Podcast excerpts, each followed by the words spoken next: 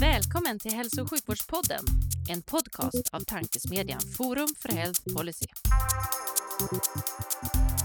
I den här podden möts frågor om hur vi kan få bättre hälsa med frågor om vilken politik som krävs. Det kommer bli samtal om personcentrering, ledarskap, digitalisering, organisation, politik och mycket mer.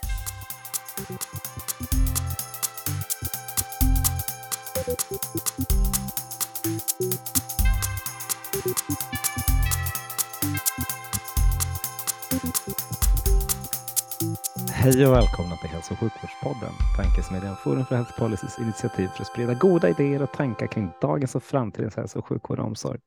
Jag heter Magnus Lejelöw och arbetar till vardags för Colivia men även ambassadör för Forum för Health Policy. Och den här veckan tänkte vi avsluta säsongen med ett specialavsnitt med fokus på hur man ser hälso och sjukvården från utsidan. Jag har bjudit in två fotbollstränarkollegor och vänner till podden som är fokus på som patienter, anhöriga, medborgare får sätta linsen på svensk hälso och sjukvård. De är lite nervösa, ni får, så ni får lite överseende, men jag tycker det här ska bli jätteroligt i varje fall.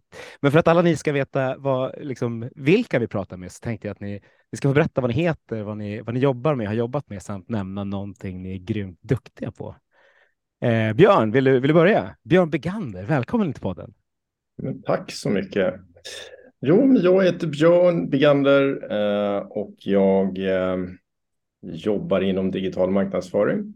Eh, primärt så tar vi fram plattformar för eller som drivs av data och AI.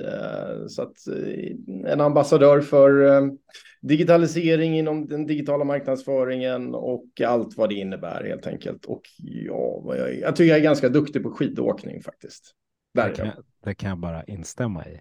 Vad, vad har det varit tidigare innan du eh, jobbade med digitala plattformar av marknadsföring? Ja, men innan det, det är väl från media eh, rent generellt. Så vi startade en, eh, kan man säga, en mediebyrå här 2010. Jag och tre kollegor som kom tidigare från Microsoft.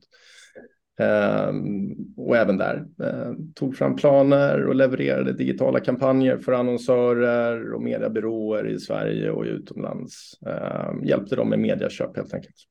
Kul, det ska bli spännande att höra. AI är, trendar ju inom hela samhället, men även inom hälso och sjukvården där jag tycker vi ligger lite efter. Så det blir kul att höra dina reflektioner kring det. Men jag tänker eftersom vi är tre i samtalet så Peter Sigfridsson, eller Sigge som vi, vi som känner dig brukar säga. Vad, kan du inte berätta, vem är du? Vad, vad, har du gjort för att hamna där? Namnet har jag redan sagt, men du kan ju ta resten.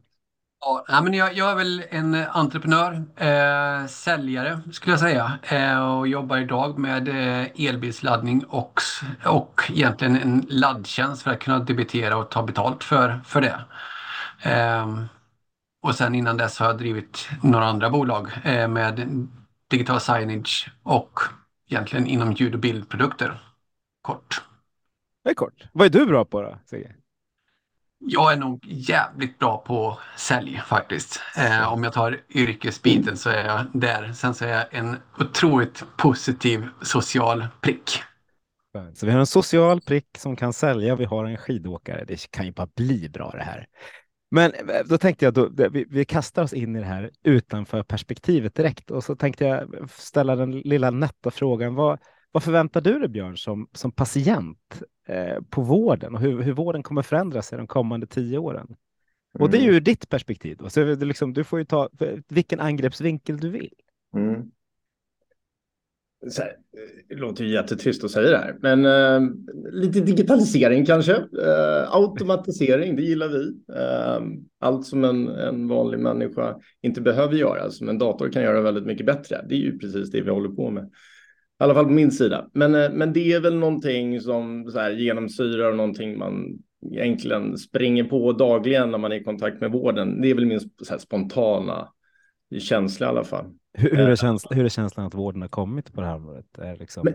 Men, men lite bättre då, eh, får jag väl ändå säga. Jag, jag tycker ändå att eh, om vi jämför idag mot några år tillbaka så tycker jag att alla är lite gladare. Det är lite personligare. Ja visst, det är, jag, jag, är, jag är faktiskt lite nöjd där. Ja, men det är viktiga saker.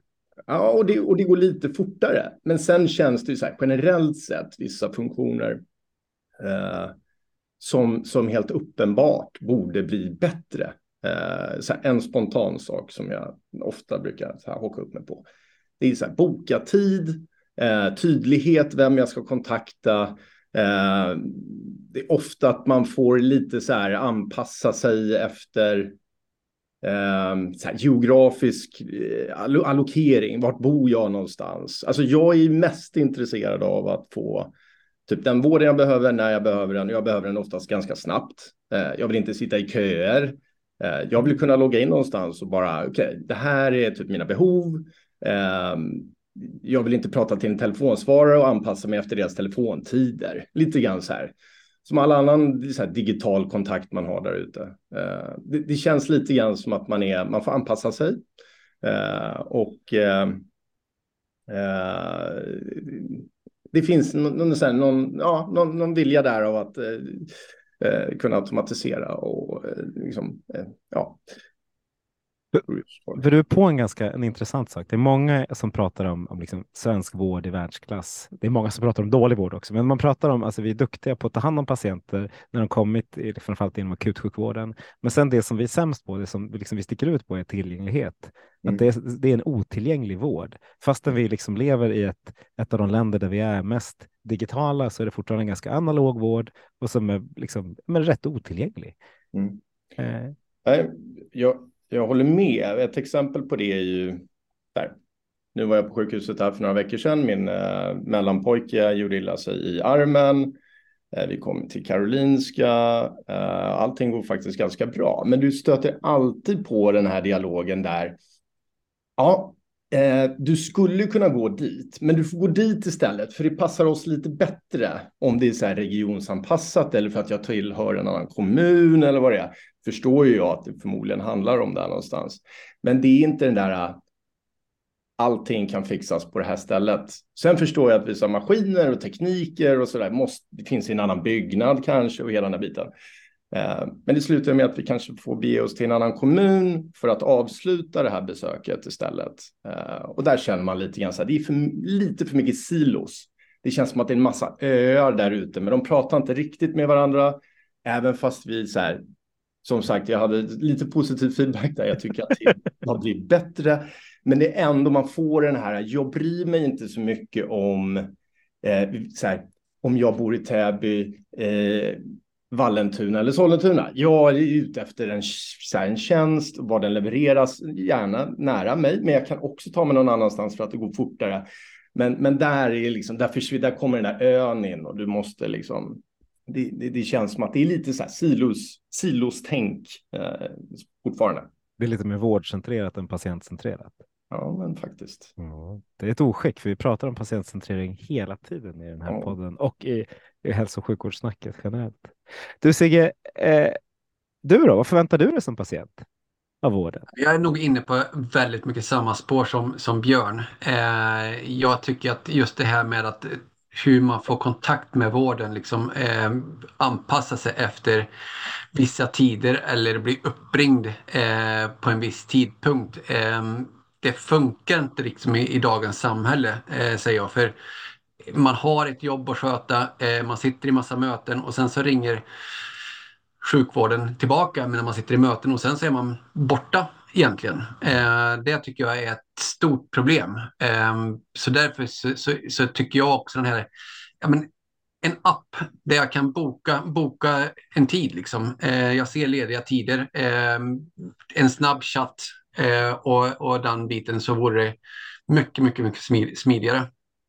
Det är ändå kul att den första förväntan ni båda säger är tillgänglighet till vård. Man hade kunnat säga att vi vill ha världens bästa vård när jag väl kommer till vården. Eller jag ja, men ska... det, jag måste, ja, men jag måste säga att jag tycker att Sveriges sjukvård är fantastiskt bra. Ja. Så där i ser inte jag att det är något problem. Eh, där skulle jag säga att jag är supernöjd när jag, kom, när jag väl kommer till läkaren eller till en sjuksköterska så får jag väldigt bra bemötande. Liksom. Mm. Så det är ju liksom processen dit när man, innan man kommer till rätt person. Absolut, ja, men det, är, det är bara intressant för det, det, är liksom här vår stora, när vi pratar om systemet så är det tillgängligheten och liksom flaskhalsarna för att komma in som är vårt, eh, som, som, är, som är det som är stökigt för oss. Och jag, jag kan ju bara hålla med. Jag är liksom också, jag vill ju ha det enkelt eh, och göra precis som jag gör jämt. Jag vill boka mina, mina vårdbesök vid, runt midnatt när jag kommer på det eh, och inte sitta i en telefonkö mellan 8 och 8 och 12 för att det är då det passar vården. Så jag, jag, kan, jag kan inte bara instämma. Men det är bara intressant att tänka kvalitet tillifrån. Men där la ju du ut det bra Peter. Jag tror att det är det det handlar om. Liksom. Jag, jag, jag. Sen så finns det ju vissa andra saker också som man kan, kan önska och som jag ser i framtiden. Liksom. Men, men, eh, Berätta, vad, vad, vad då Peter? Men jag, jag, jag tycker att det är så hedenhös med att, när, som Björn är inne på, att man, man åker från olika regioner och eh, om jag skulle eh, råka ut för en olycka, gud förbjude att jag gör det, eller något som mina barn eller fru eller vänner och så vidare. Så skulle vi vara med i en trafikolycka i södra Sverige så har inte de koll, stenkoll på min sjukjournal. Eh, där ser jag liksom att det skulle vara ett stort behov, liksom, eh, att vi gör någonting vettigt. Jag bollade lite grann det här med Björn innan. Jaha. faktiskt. Har ni tju, tjuvsnackat bakom min rygg? Ja, men vi, vi, vi, vi, vi, träffades och, och tog ett, ett, ett glas eh, för att bara värma upp det här snacket lite grann. Eh, och då sa jag att jag skulle vilja se ett inopererat chip vid födseln på varje individ. För att, kunna bara, för att bara skanna av, ja men du har blodgrupp bla bla bla, du är diabetiker eller bla bla bla, eller du har den här allergin bla bla bla, må, vad det nu må vara liksom, så skulle jag se att vi skulle kunna säkerställa en mycket bättre vård om vi fick den informationen pronto. Absolut, och du hade ju egentligen, alltså jag gillar också tanken på inopererat chip. Du hade ju kunnat ha det i ditt körkort också om du inte vill Ja. operera in det. Liksom. Man, man, man skulle Men jag kunna... tänker, då är det ju alltid med. Ja, exakt. Ja, men jag tänker något som är... Så, förr i tiden så var ju Ja. körkortet alltid med. Ja. Numera så är det kanske telefonen man skulle ha istället. Ja. Men, men oavsett så, så är det ju en väldigt bra tanke. Varför tror du inte vi gör så då? Men det är ju, det är ju allting med vår in, integritet att, göra. Liksom. Så, så det är liksom, jag fattar ju att det blir svårt. Ehm, det blir en övervakningsfunktion som inte är okej, antar jag. Ehm, gissar jag på. Liksom. Fast, fast vi tre skulle ju säga ja till det. Vi hade ju Ja, ja, optat absolut. in direkt. Ja. Liksom. Ja. Ja, men jag, jag säger också det. det är liksom, så länge man inte har någonting att dölja så, så är det bara att tuta och köra. Liksom. Eh, men men ja, jag fattar att det är ett, ett, en, en diskussion som, som kanske inte kommer bli genomförbar. Men, men det skulle ju säkerställa vården eh, och bättre vård eh, och säkert rädda fler liv om vi hade den funktionen inopererad. Ja, det, det, verkligen. Det, det pratas ju till och från, men det är just integriteten som kommer upp. Och någonstans pratar vi väl om, om, om lagar och regler som är lite föråldrade, där man också kanske tolkar dem lite olika eh, och inte riktigt vågar gå hela vägen. Eh, och det är ju därför man skulle ha sådana som dig Sigge i, i liksom sjukvården som bara säger jajamän, vi kör. Men det är väl, det är väl lite där, det är, lite därför jag kanske inte sitter på en sån position i ett sån typ av företag eller organisation. Eh, eftersom jag kanske då gillar lite mer, vi kör, vi testar. Funkar det? Nej. Vi gör på något annat sätt. Det hade sjukvården verkligen behövt. Kan man inte inte. Jo, men gud, men man ska ta allting, men man behöver lite olika profiler som, som får saker att hända också.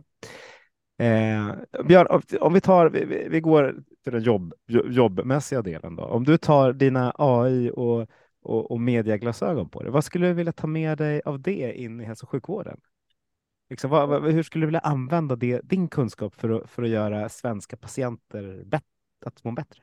Ja, herregud. Eh, ja, men det, det, det är ju så här.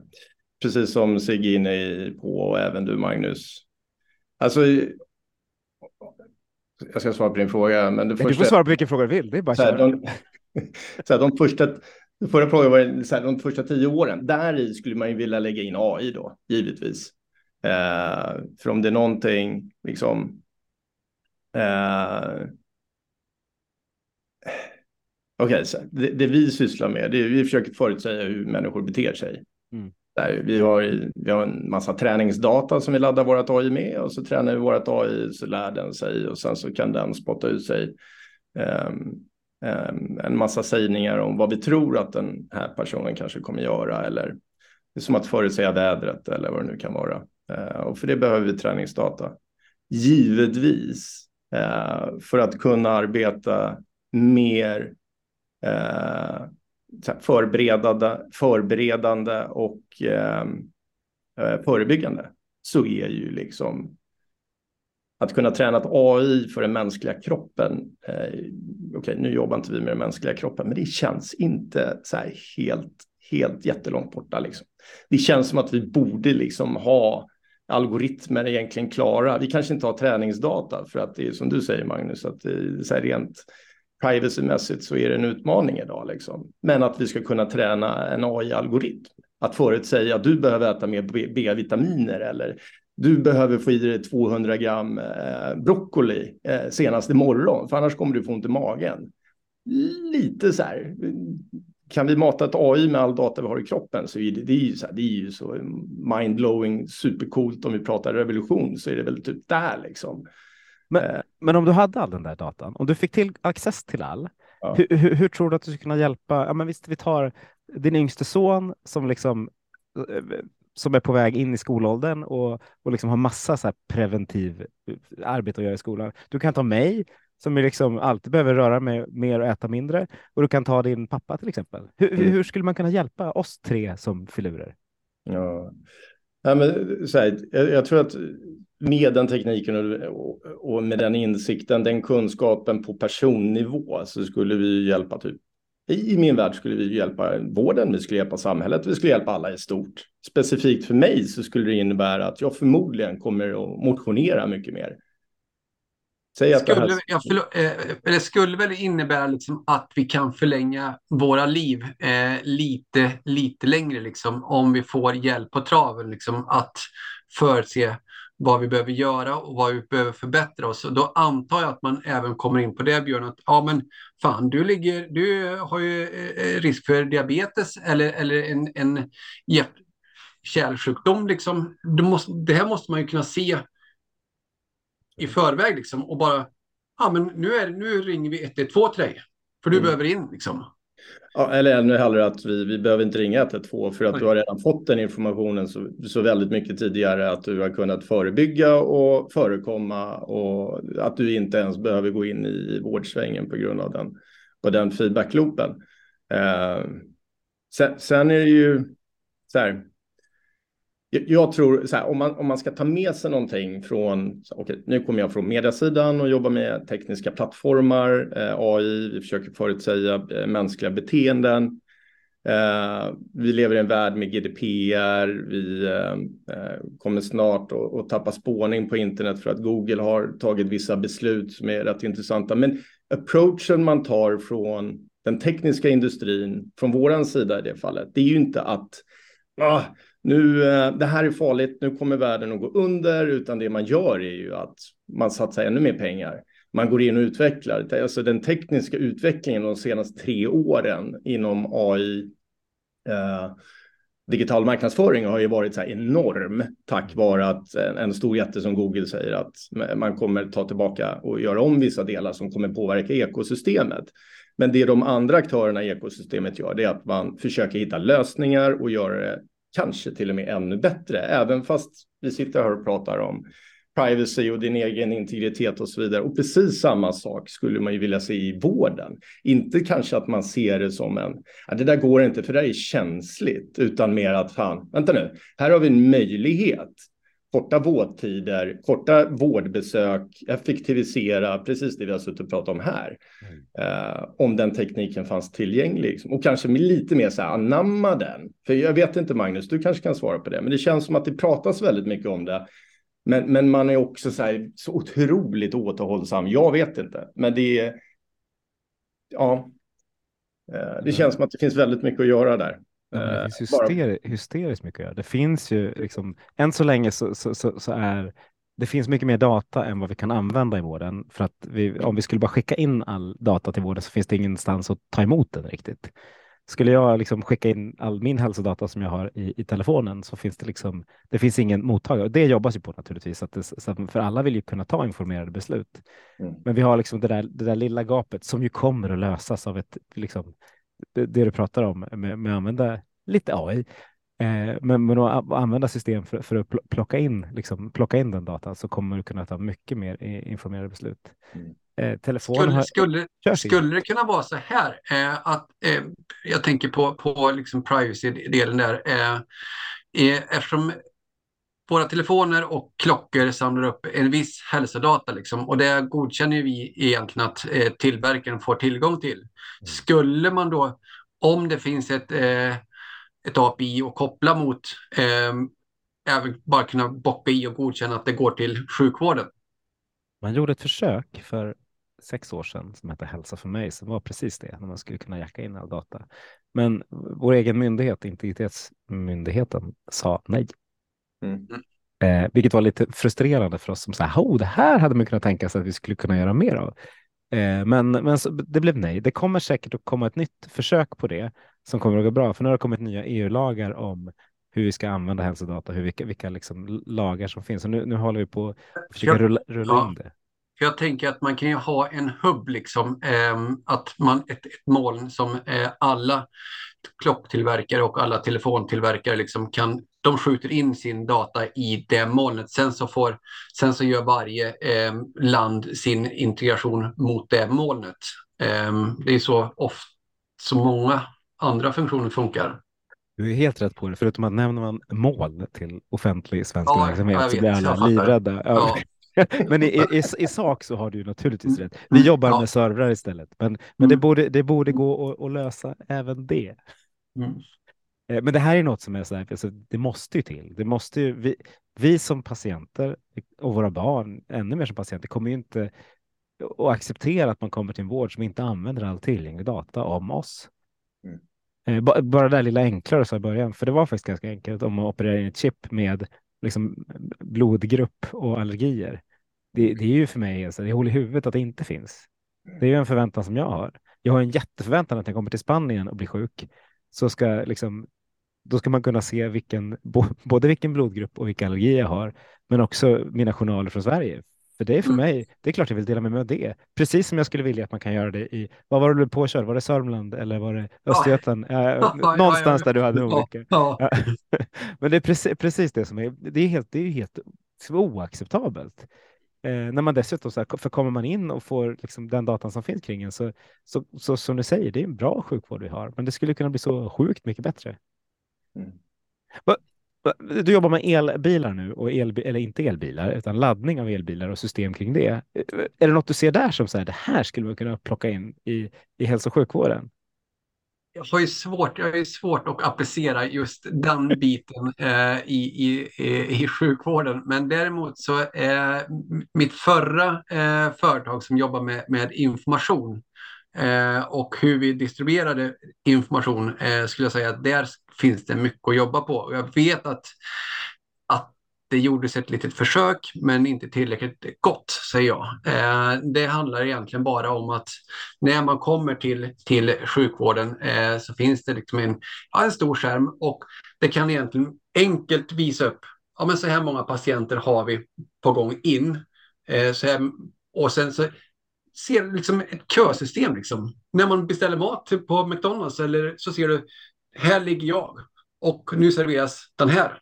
Mm. Eh, Givetvis inte med namn, eh, för det kan vi inte göra. Men, men, men man ser ändå sin, sitt nummer som är i turordningen samt vad som händer på. Där skulle jag se en klar förbättring för då visar vi också ett, ett större tålamod av att sitta och vänta. Varför det kan dra ut på tiden liksom. Eh, den tror jag skulle bli otroligt viktig. Sam, samma sak även med att liksom inte man bör eh, alltid anmäla sig i, i receptionen. Det finns vissa eh, ställen där det finns mer digitalt, men, men ta appen och stå utanför och bara skriva in i appen så kommer det upp att du har det här könumret. Liksom. Ehm, men ute, om, jag, om, jag, om, man ska ut och ladda sin bil, eller om du ska åka någonstans, vi kan åka till Karlstad för att det är familjärt för dig, eh, så kommer du kunna se var på vägen du kan ladda, du kan se hur, liksom, hur upptaget är, du kan få massa information den, det skulle jag vilja plocka in till sjukvården så att jag som patient när jag sitter här kan veta liksom, var är det köer? Var, var, finns det, var finns det eh, möjligheter? Hur bra är de olika ställena? Och, och, hur kan jag åka till exakt rätt ställe för mig nu om jag nu fysiskt måste in någonstans? Men det, det, det är sant. Det är väldigt sant. Och det är lite grann som Björn var inne på i början, liksom att man blir slussad från eh, ett ställe till ett annat ställe. Så bor man till exempel i Stockholm så vi har ju faktiskt möjlighet att åka egentligen vart som helst eh, i Stockholm för att få, få vård. Och då skulle det vara jäkligt optimalt och som du säger Magnus, att se liksom i en app. Ja, men här är det. Ja, men jag går in i appen, säger att jag är där om 20 minuter och bokar en tid liksom och får det upp i appen. Det vore ju suveränt bra Upp i och appen. enkelt. Upp i appen, det var riktigt bra. Ja. Jag, jag, får jag lägga till en grej? Jag, jag tycker en stor, en stor frustration när man sitter i väntrummet. Du var inne på det Sigge, men en stor frustration jag känner i alla fall, det är att man tittar på lite alla som är där och undrar vad den personen är där för och så vidare. Och så vidare. Men du har aldrig fått chansen att själv få påverka din egen situation när du sitter i väntrummet till exempel. Det är någon som har brutit en, ja, någon har gjort illa sig och du åker dit. Liksom. Men bara den här, den här enkla informationssamlingen, så här, vi ska kvalificera alla som sitter i det här rummet så vi vet vilka som ska in först, vilka som behöver träffa en ortoped och så vidare och så vidare. Hela den, jag tror att kan man flytta lite grann den här ägandefrågan lite till konsumenten eller patienten i det här fallet. Att jag kan ge ifrån mig information så jag känner att, ni, att vården är informerade. Jag förstår att jag inte är prioriterad och då förstår jag att mannen till höger eller kvinnan till höger om mig får gå före i kön av någon anledning. Det finns så många olika delar, men idag är inte den. Du har inte riktigt den möjligheten. Du är, du, du, som du säger Sigge, man kommer in, Kanske jag registrerar mitt personnummer så de vet att jag är där, men de har ingen aning om vem jag är. Och sen tar det en timme innan jag får träffa någon som ska göra någon liten brief, eh, sån här kvalificering av vad jag har för behov. Eh, Men redan där är ju liksom hela den här tillgänglighetsfrågan med elladdstolpar. Var, varför? Den kanske redan... Ja. Ja. Det, det är lite, lite grann det som jag var ute efter, liksom att när man kommer upp på den här informationstavlan, liksom att ja, men du har nummer, nummer 10 eh, och då hamnar du på plats nummer 6. Eh, men sen så kommer det in en, en ny snubbe. Du halkar ner och då kommer eh, det här eh, att visa sig att ja, men din uppskattade väntetid är liksom, bara jag får en information om om det hela tiden, att det, kom, att det ständigt uppdateras, så kommer eh, förståelsen bli otroligt mycket bättre, tror jag. Mm. Eh, jag tror att ju mer information man får över att hur länge tror vi att jag kommer att vänta, liksom. Jag förstår att det är svårt att uppskatta, men någon slags uppskattning har, måste ju sjukvården ha, liksom, ändå, liksom, i och med att med patienterna kommer in och eh, de patienterna som redan är under behandling att ja, men så här lång bo- tid borde det ta. Du kommer sitta här i 10 minuter, 40 minuter och då pratar vi kanske då akutvården eh, närmare bestämt. Men ja, det där tror jag väldigt mycket eh, bättre tålamod och eh, ja, förståelse. Tålamod är något som vi alla tre har. Så det är jättebra. Absolut. Vad heter det? Om, om man tänker, nu pratar vi den akuta vården eh, och liksom vården när man kommer till ett sjukhus. Om vi tänker på den primära vården som idag börjar någonstans i vårdcentralen, men som i min, liksom, i min fantasi framåt i varje fall inkluderar matvarubutikerna och, och liksom gymmet och, och vad det nu är som det som finns utanför också. Hur ser ni att när ni liksom, eh, hur, hur vill ni bli bemötta i den primära eller nära vården? Det är ungefär samma sak där, liksom. Eh, just det där med att vi var inne på att, liksom att ja, men du, du vet att du ska boka ett besök. Eh, du inser att ja, klockan eh, 24.00 eh, så sitter du där att fan, jag måste ju boka ett besök på vårdcentralen. Och de har telefontid 8 till 9 för att sen bli uppringd någon gång 11-10. Mm. Och kunna göra den bokningen då, där och då, eller ansökan eh, och få möjlighet till någon, någon slags vård tror jag är otroligt skönt. För, för den som påverkar vår eh, hälsa, oss tre, eh, mest under året, det är när, när Björn får ett ryck och säger att vi ska träna och äta, träna mycket och äta lite under några veckor i början av året. Det är eh, som överlägset mest påverkar vår grupperings hälsa. Hur, hur, hur ska vi få in det som en del, alltså, som en del i vården också, Björn?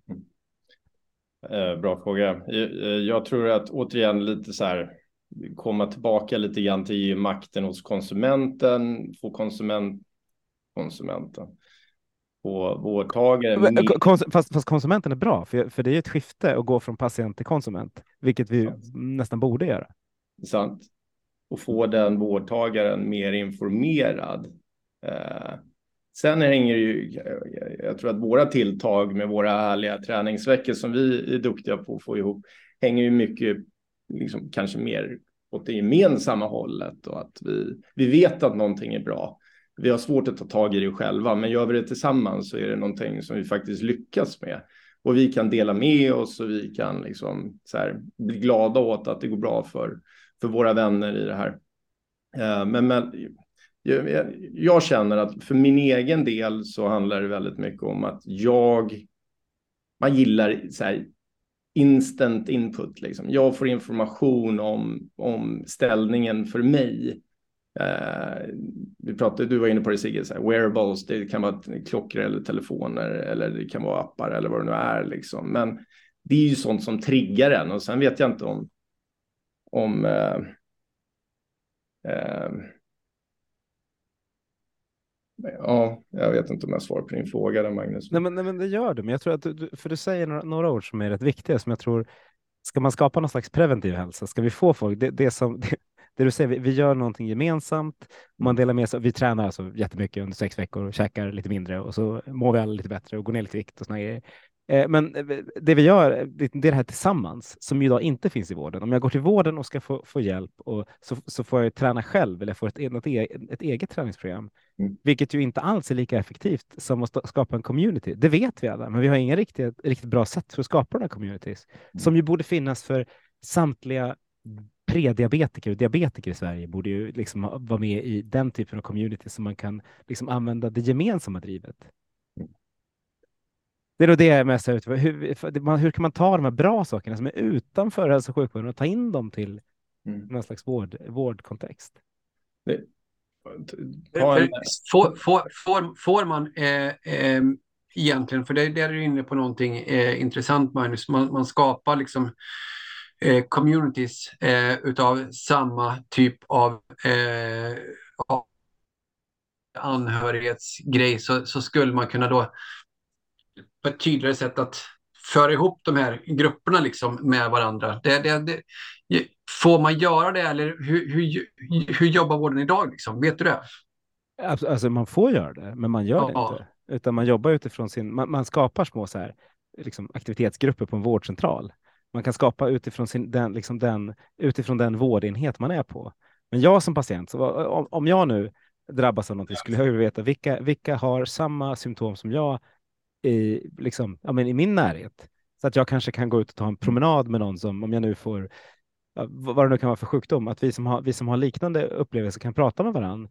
Och, och liksom den typen av saker finns oftast utanför vården. Den finns för de extrema, liksom mer eh, tyngre sjukdomarna. Det finns mycket på liksom, mm. barncancerområdet och sådär, men, men det finns inget om jag är, men, har en liten släng av prediabetes så finns det inget, finns det inget sammanhang som jag hamnar i, utan då blir jag ju lite ensam i min sjukdom när jag mm. egentligen tror att det skulle liksom vara en av nycklarna för att säga ett, få bort stigmat kring det och två, få, få, liksom, få igång någon slags aktivitet. Mm. För, för, ja, förstå mig rätt, liksom, med, med lite enklare åkommor så skulle det vara fantastiskt bra liksom. Och det kanske då också skulle i förlängningen förlänga mångas liv liksom om, om man skulle kunna eh, få prata och komma ut och röra sig tillsammans liksom, så att man rör på sig överhuvudtaget istället för att bara sitta still. Det tror jag också. Um, ja, Björn, Björn, Björn ser ut att säga något. Jag... Ja, nej, men jag funderar på den här. Det är jäkligt intressant. Jag tror det handlar väldigt mycket om uh, få access och tillgänglighet och förenklad teknologi. Um, Alltså att det, det är en naturlig del av det, eh, av din vardag, av, av det du sätter på dig på dagarna, om det ger dem en klocka eller vad det nu kan vara. Men jag tror att titta på ja, ChatGPT till exempel. Eh, man har pratat om AI sedan 40-talet. Liksom. Eh, vi har pratat AI sedan 2006 och tycker att det här är, liksom, det här är stort. Mm. Eh, det, har inte, det, har ju, det har ju blivit stort, men vad som händer när ChatGPT eh, nu för, för eh, en väldigt kort tid sedan blev extremt stort. Det var ju när den föll i konsumenten eller personens hand där man ser att vänta, det skapas någonting av någonting som alla pratar om, men jag har aldrig förstått vad det är. Eh, och så får man en så här, direkt nytta, generativ AV, eh, AI, det vill säga den genererar någonting till dig tillbaka och då förstår du som person att vänta, det här är ju en direkt nytta för mig. Här kan jag göra översättningar, texter, få förslag, få svar på frågor och så vidare. Så här, det hjälper mig i min vardag. Och jag tror där någonstans, om man så här pratar teknologier och det vi behöver få in i, i, i det, det du pratar om Magnus, att vi kör våra sex veckor tillsammans och vi, vi skapar lite hälsa tillsammans. Att, att den är tillgängligare och, och och det handlar nog inte om att vi ska öppna ett nytt Facebook-konto. Liksom. Det är inte där, liksom, utan det, det, finns andra triggers på det här tror jag. Mm. Uh, någonting som, som kanske ska ligga oss närmare till hjärtat, är att jag verkligen förstår min kropp.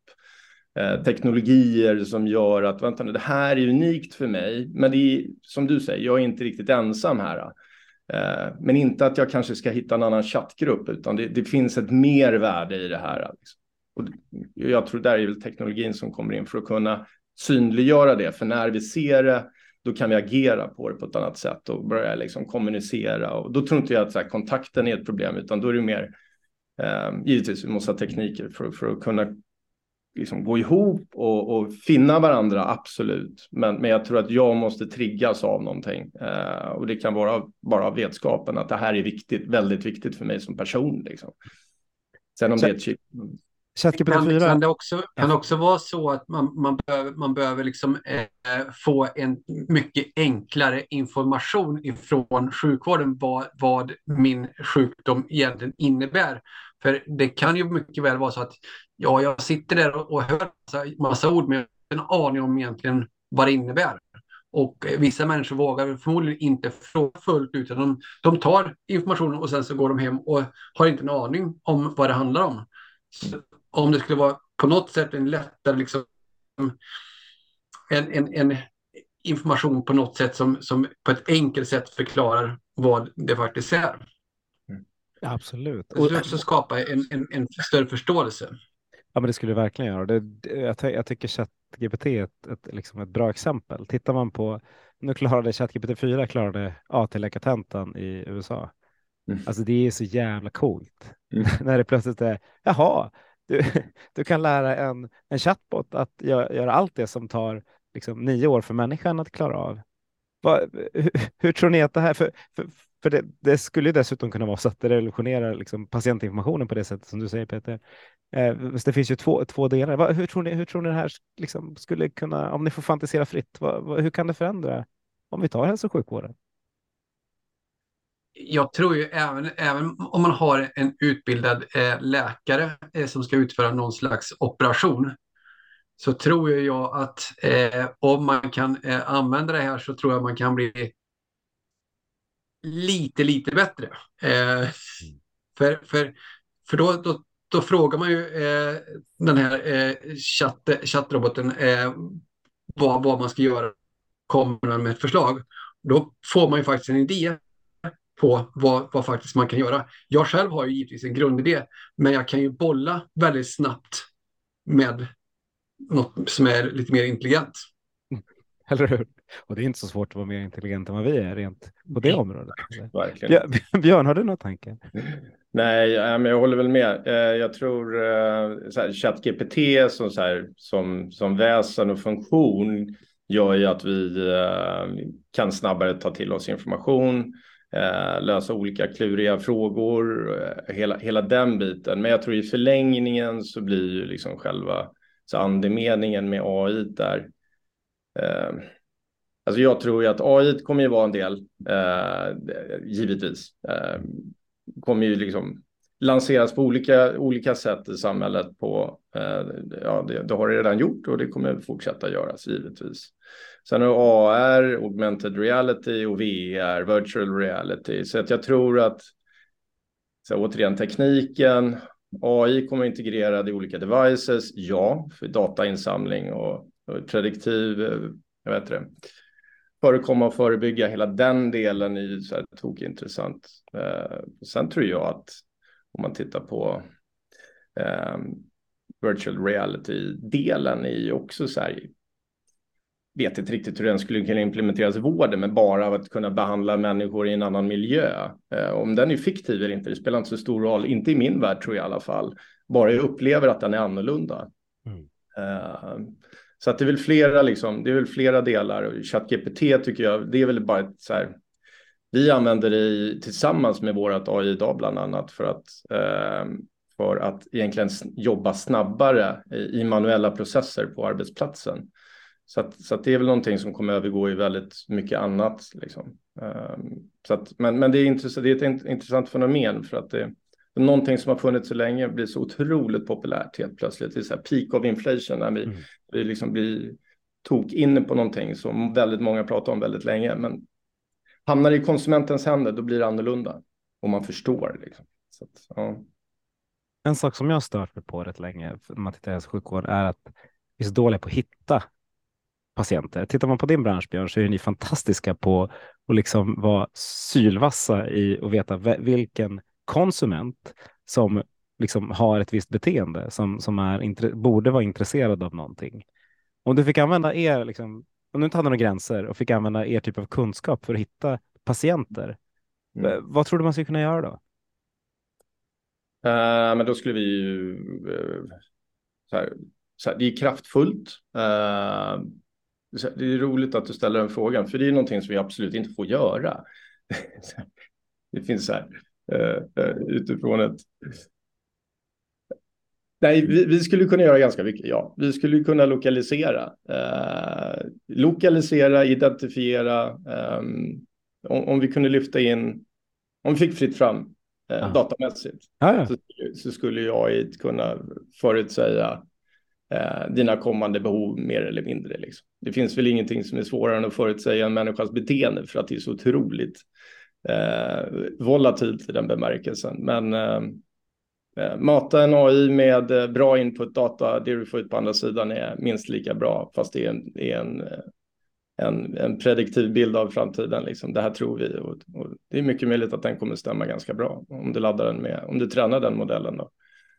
Um, så att Ja, nej, du, jag vet inte, det blir så här mindblowing lite grann. Vad, vad kan vi göra i framtiden? Om vi tillåter AI, och lite som du är inne på Peter också, att, att vi kan eh, vi kan använda den informationen som finns. För lite av det du säger Magnus, om att det finns så mycket data, men vi måste kunna typ använda det på ett så rationellt och bra sätt. Det är ju det som är lite syftet med AI, att den kan ta en, en datapunkt som inte egentligen säger någonting Eh, men tillsammans med andra datapunkter så skapar den ett sammanhang som säger någonting som vi inte visste om. Mm. Eh, men det är fortfarande bara en spegling av, liksom, av verkligheten. Men, men med en annan modell så kan du bara förutsäga liksom, framtiden. Så att förutsäga sjukdomar. Eh, det skulle kunna vara, ja, men hela den här liksom, förebyggande delen är ju tokintressant tycker jag. Jag skulle vara så här, om man pratar om motivationsnivåer hos konsumenter så är det en sån här, skulle jag få använda ett AI som, så skulle den kunna motivera mig ganska kraftigt för att den skulle vara så starkt kopplad till mig som individ och till mina behov framöver och, och i framtiden att jag skulle agera på den. Jag skulle söka upp människor för att jag, jag ser en sån, sån otrolig liksom, nytta och ett värde i det. Liksom. Det här med att här, gå in i communities-delen så att jag tror att AI eh, beroende på vart vi landar i, i vården där. Men, men det skulle kunna öppna upp relationer, öppna upp, eh, öppna upp människor tror jag. Eh, och deras kontakter med andra människor. Vad, vad, vad tror du Sigge, om, om, om Björn skapade världens coolaste AI-modell som skulle kunna prediktera om du skulle få Alzheimer? Skulle du vilja veta det? Absolut. Eh, det, det är solklart ja på den. Mm. Men eh, för, för har jag informationen då kan jag förhålla mig till någonting. Eh, och då, då kan jag agera på det också. Eh, på ett eller annat sätt. Liksom. Eh, och min omgivning skulle förhålla sig till det på ett helt annat sätt också. Eh, det, ja, jag, jag, det där, jag, jag, gillar ju, jag gillar ju öppenhet liksom, eh, på det sättet att få veta vad som komma skall. Liksom. Eh, så det där, det där som Björn jobbar med, det, det är ju så enormt, enormt spännande liksom. Eh, och jag blir nästan, nästan lite frustrerad och förbannad på att inte vi kan använda det fullt ut. Mm. Jag håller med, jag är jättefrustrerad över det. Ja. Men jag, det, jag vet, det finns så mycket. Jag vet inte tusan bara. Det, det, det, är ju här, det är ju en jätteintressant fråga, Magnus. Bolla tillbaka här till oss. Jag är inte riktigt lika säker på att jag skulle vilja ha reda på, på, på vissa delar. Liksom. Inte sådana här livsavgörande. Givetvis sånt som jag kan påverka, förebygga. Men sen finns det vissa delar här och det är väl den här gränsdragningen som är förmodligen ganska svår att dra. Liksom. Eh, men, men, och, och, och gränsen är väl egentligen precis där du säger, kan jag påverka eller inte? Mm. Att jag tog Alzheimer för att just nu så har vi inget, vi har mm. inget botemedel. Eh, vilket gör att ja, vet man om det. Ja, ja, men det finns ju lite bromsgrejer på och sen så, så kan man ju liksom testa lite grann och, och testa lite till och så får man ja, se.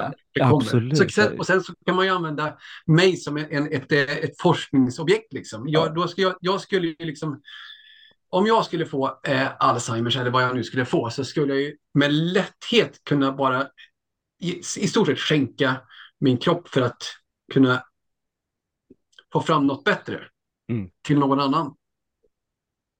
Ja, det är, jag älskar det tanken. Nu hoppas jag att vi, vi, inte behöver skämpa, skänka din kropp. Det låter så, det låter så hårt, men vi kan liksom använda den i varje fall under tiden. Ja.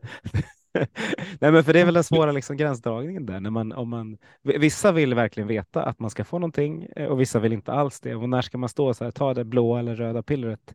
Mm. Eh, det, det är ju skitsvårt. Sen att, att få veta att man ska få något som man kan behandla eller som man kanske kan förebygga genom att, att röra sig. Så det, det tror jag är lite mer av en no-brainer eh, i sammanhanget. Eh, om det inte är gluten så, så man måste ut och dricka öl och, och, äta bröd, så då kommer det bli jobbigare. Men det, det, det skulle inte funka, Magnus. Det, det, finns ju saker som man skulle kunna, kunna ta höjd för. Ja. Nej, jag, jag, är, jag är faktiskt jag är, helt på. Jag, mm. jag tar gärna allt, liksom. Eh, bara för att veta. Liksom. För då, kan jag, då kan man styra lite aggressivare på, på vad som komma skall. Liksom. Du såg lite mer skeptisk ut, Björn. Det är lite härligt att se att du, liksom, du sitter med det här i, i vardagen. Alltså när man tänker på, ska vi implementera det på mig själv? Ja, får, du, ja. får du en lite så här skeptisk min? Ja, gud. Nej, men du, du säger ju rätt bra tycker jag. Att det är så här, kan jag inte påverka det helt plötsligt? Jag får någonting som, som det finns inget botemedel på eller det kommer förändra mitt, mitt liv. Eh, så här. Nej, då, då, det, nej, men där är man inte så här. Där, där är man inte så kaxig. Det skulle jag, inte. jag är inte lika kaxig som Sigge i alla fall. Egentligen. Uh, Svårt däremot, att vara det. Uh, däremot, nu är det ju liksom uh, en hypotetisk frågeställning, men om vi backar bandet lite grann så finns det så otroligt mycket vi kan göra däremellan som skulle göra dagens vård så otroligt mycket bättre spontant bara. Ehm, så att, så att eh, bara korta ner vårdköer och få en effektivare liksom, vårdhantering ehm, som Sigge, när du ringer och så ringde du en timme eller tio minuter för sent och de har stängt växeln. Liksom. Det finns ju ingenting som är mer frustrerande. Och så sitter du i ett, eh, ett möte senare och du kan inte ta det samtalet. Det är, så här. Det, det är ju frustration på riktigt, tycker jag. Att vi, vi kanske har kommit längre. Jag upplever kanske inte så. Sen tycker jag att det har blivit bättre. Så att, mm. Ja. Det är väl lite så också att skulle vi få till den hanteringen eh, på ett bättre sätt så tror jag eh, vi skulle kunna eh, avlasta akutsjukvården betydligt mer också. För nu när föräldrar inte hinner ringa till vårdcentralen och boka en tid så, inser man efter en vecka, fasken jag måste verkligen iväg med, med, med, med ungen och undersöka det här. Åker till akutsjukvården och sätter mig och tar upp massa plats. När det egentligen inte är akut. Så jag tror man skulle vinna otroligt mycket på det. Mm. Och, och, och, ja, jag tror att det skulle vara fantastiskt bra. Mm. Ja, verkligen. Jag har haft har förmånen att, att, träna barn i fotboll tillsammans med er. Som för mig är, liksom, det är den bästa preventiva åtgärden. Det är att liksom, barn rör sig i ett, ett tidigt skede. Vad, vad, skulle ni ta med er för, liksom, för, för lärdomar av dem? Vad är det, sju år vi hållit på att härja? På fotbollsplaner. Hur, hur, hur, vad, är liksom, vad skulle ert recept vara för att få, få svenska barn i alla samhällsskikt att röra sig mer? Också blev det lite lätt fråga, men mm. det är så vi jobbar. Ja. Men det där, det där är ju svårt, eh, hur man fångar och när man barnen på ett eller annat sätt. Eh, och det är väl i skolan på ett eller annat sätt som man skulle behöva eh, fånga upp och då kanske man skulle kunna ha en dag eller några dagar eh, i, i på höstterminerna eh, och eh, även vårterminen att de lokala eh, idrottsföreningarna får komma och eh, egentligen pitcha in sin, sin klubb och verksamhet. Eh, för då tror jag man skulle kunna få in fler barn i någon slags aktivitet. Eh, egentligen skitsamma vad det, vad det är, men bara att det är någon typ av aktivitet. Det kan vara lagidrott eller det kan vara individuell idrott. Eh, så det, och det, sen så får man då, därifrån får man ta ett steg till att hur behåller jag ungarna liksom eh, så länge som möjligt i den verksamheten. Men det, det är nästa steg. Liksom, det första är att få in dem i någon slags verksamhet. Mm. Så det tror jag skulle kunna vara underlätta väldigt mycket. Mm. Vad tänker du? Ja, oh, gud. Um, det är en bra fråga. Uh, så här, det man inte är exponerad för, det man inte vet riktigt finns, det är svårt att så här, finna ett intresse för det.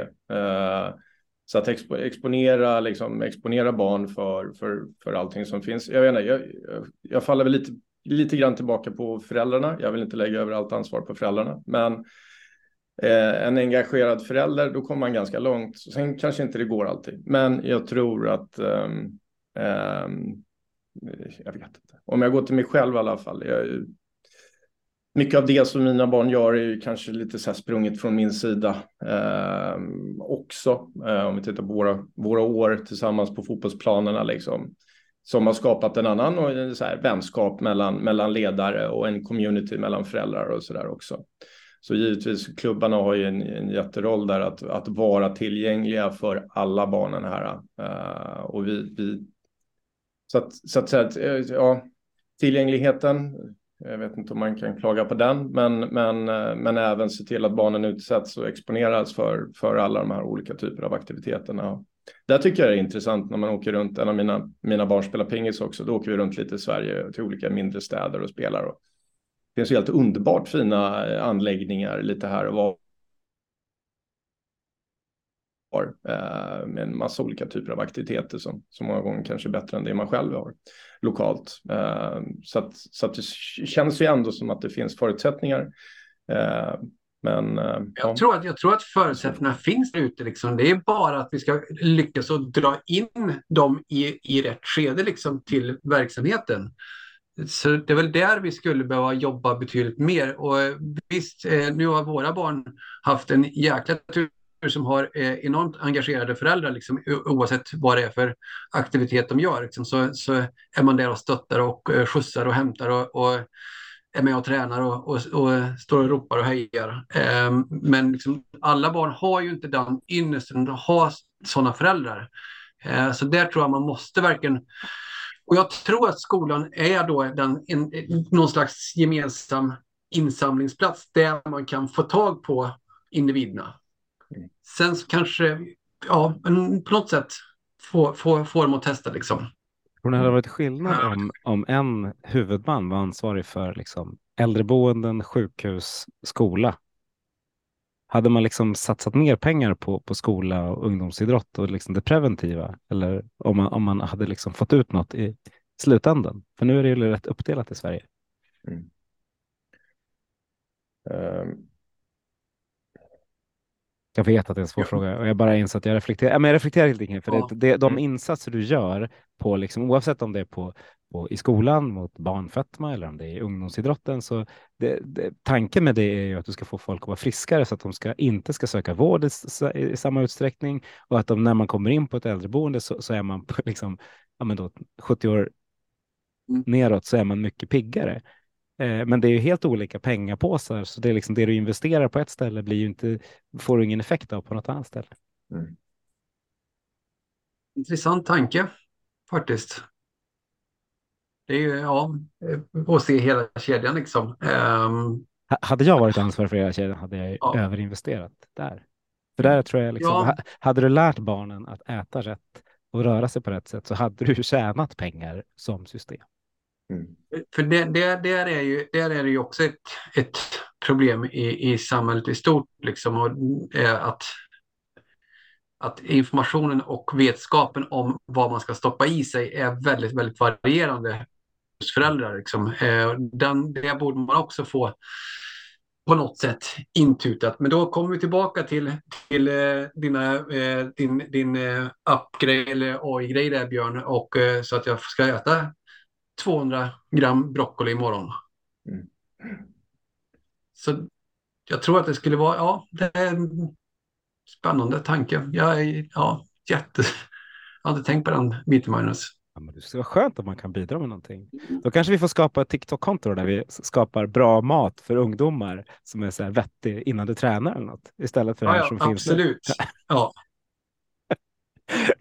Hörrni, nu har jag plågat er i en timme ungefär med olika frågor på ett tema som ni egentligen inte brukar vara på. Men jag tycker ni har svarat både jättebra och liksom intressant på många sätt och vis och ha utanför perspektivet. Men man märker ändå att, ni, liksom, att frågorna är, är viktiga även för er. Var det något ni, ni, när ni kom in i det digitala rummet, alternativt när ni förpreppade, eh, som, ni, som ni känner att ni inte har fått säga? Oj, jag är nog ganska nöjd faktiskt. Men jag, jag, jag tror att liksom, eh, återigen, liksom, den här sista biten, liksom, att den här informationen måste flöda fritt liksom, till eh, olika eh, regioner. Liksom. Eh, det måste på något sätt lösas. Mm. Det är ju jättekonstigt att inte det funkar. Jag håller med. Så här, det, det, det, man lite så här häpnas av det är de, de här basala, enkla, fundamentala basfunktionerna. Eh, som så här, om jag verkligen utifrån och tittar inåt, det, det bör ju bli lite bättre känns det som.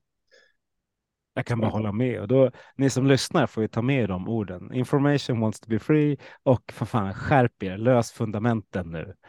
Eh, men då tackar jag er, Björn och Sigge, förlåt Peter, varmast för att ni var med i Hälso och sjukvårdspodden. Tack så mycket. Tusen tack.